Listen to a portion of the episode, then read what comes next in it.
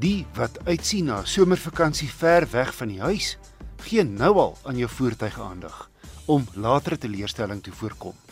Ek het gaan aanklop by Nicolou, 'n tegniese konsultant en die besigheidsontwikkelingsbestuurder by SVU Gepantserde Voertuie. Eerstens is dit baie belangrik om seker te maak die voertuig is gediens en hy's padwaardig. Ons weet hoe belangrik bande op die voertuig is. So kyk na die kondisie van die bande, kyk of daar genoeg loopvlak op is, kyk na die banddruk, jy kan ook na die wielsporing kyk en wat baie mense vergeet, daai spaarwiel. As hy op die regte druk, is die loopvlak nog reg en dan is die domkrag en die wielsleutel ook in die voertuig. Want ek dit is nou 'n probleem as jy nou met 'n papwiel gaan staan wat jy nie kan ruil nie.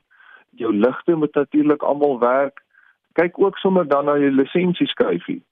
Kyk ook sommer 'n bietjie na die ruitveers, maak seker dat hulle in 'n goeie kondisie en maak ook seker daar's water in daai bottel wat help om jou ruit skoon te was. Kyk na die vloeistofvlakke van jou voertuig, maak seker die olievlak is reg, die water en die verkoelingsvlak, dat jou remvloeistof eh, is reg. Vat vir jou 'n bietjie basiese gereedskap. Nie almal van ons is is mechanics nie, maar maak seker jy het 'n skroewedraaier, jy het 'n tang, jy het miskien 'n 10 en 'n 13 sleutel as jy die battery moet vervang.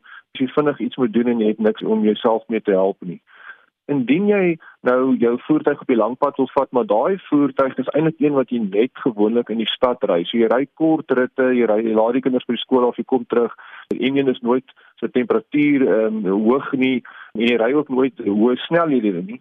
Voor jy op die langpad vat, vat die voertuig gou op die nasionale pad en ry so 10-20 km net om te sien is daar nie vibrasies wat deurkom nie, is die enjin se temperatuur korrek terwyl jy ry Ehm um, as die remme op daai hoë spoed is daar enigiets snaaks by voertuig nie. Maar die laaste ding wat jy wil hê is jy ry nou op die lang pad, jy trek vroeg weg die oggend en kom jy agter o, tog ek het nooit agtergekom my voertuig het hierdie probleem nie want ek het net in die dorp rondgery.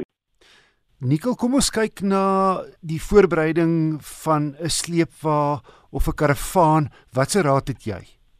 Ja, wissel baie van ons het sleepwaens, karavane, bote wat ons nie so gereeld gebruik nie. Hy staan maar daar by die huis onder die afdak En nou is dit tyd vir langpad.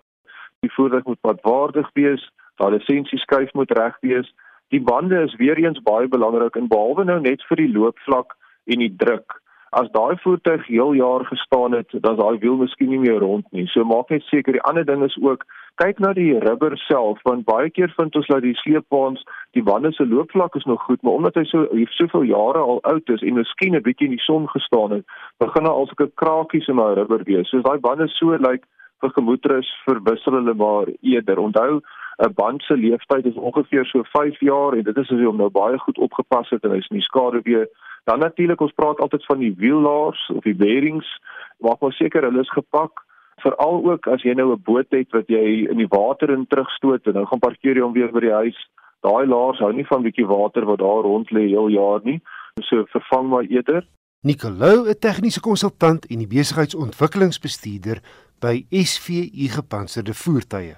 En nuus in die SVU stal is dat die Toyota Land Cruiser 300 met die omvattende B6 pakket nou ook beskikbaar is in 'n weergawe wat twee groot luukse agtersitplekke bied met onder meer 'n masseerfunksie en 'n raakskerm in die sentrale konsole.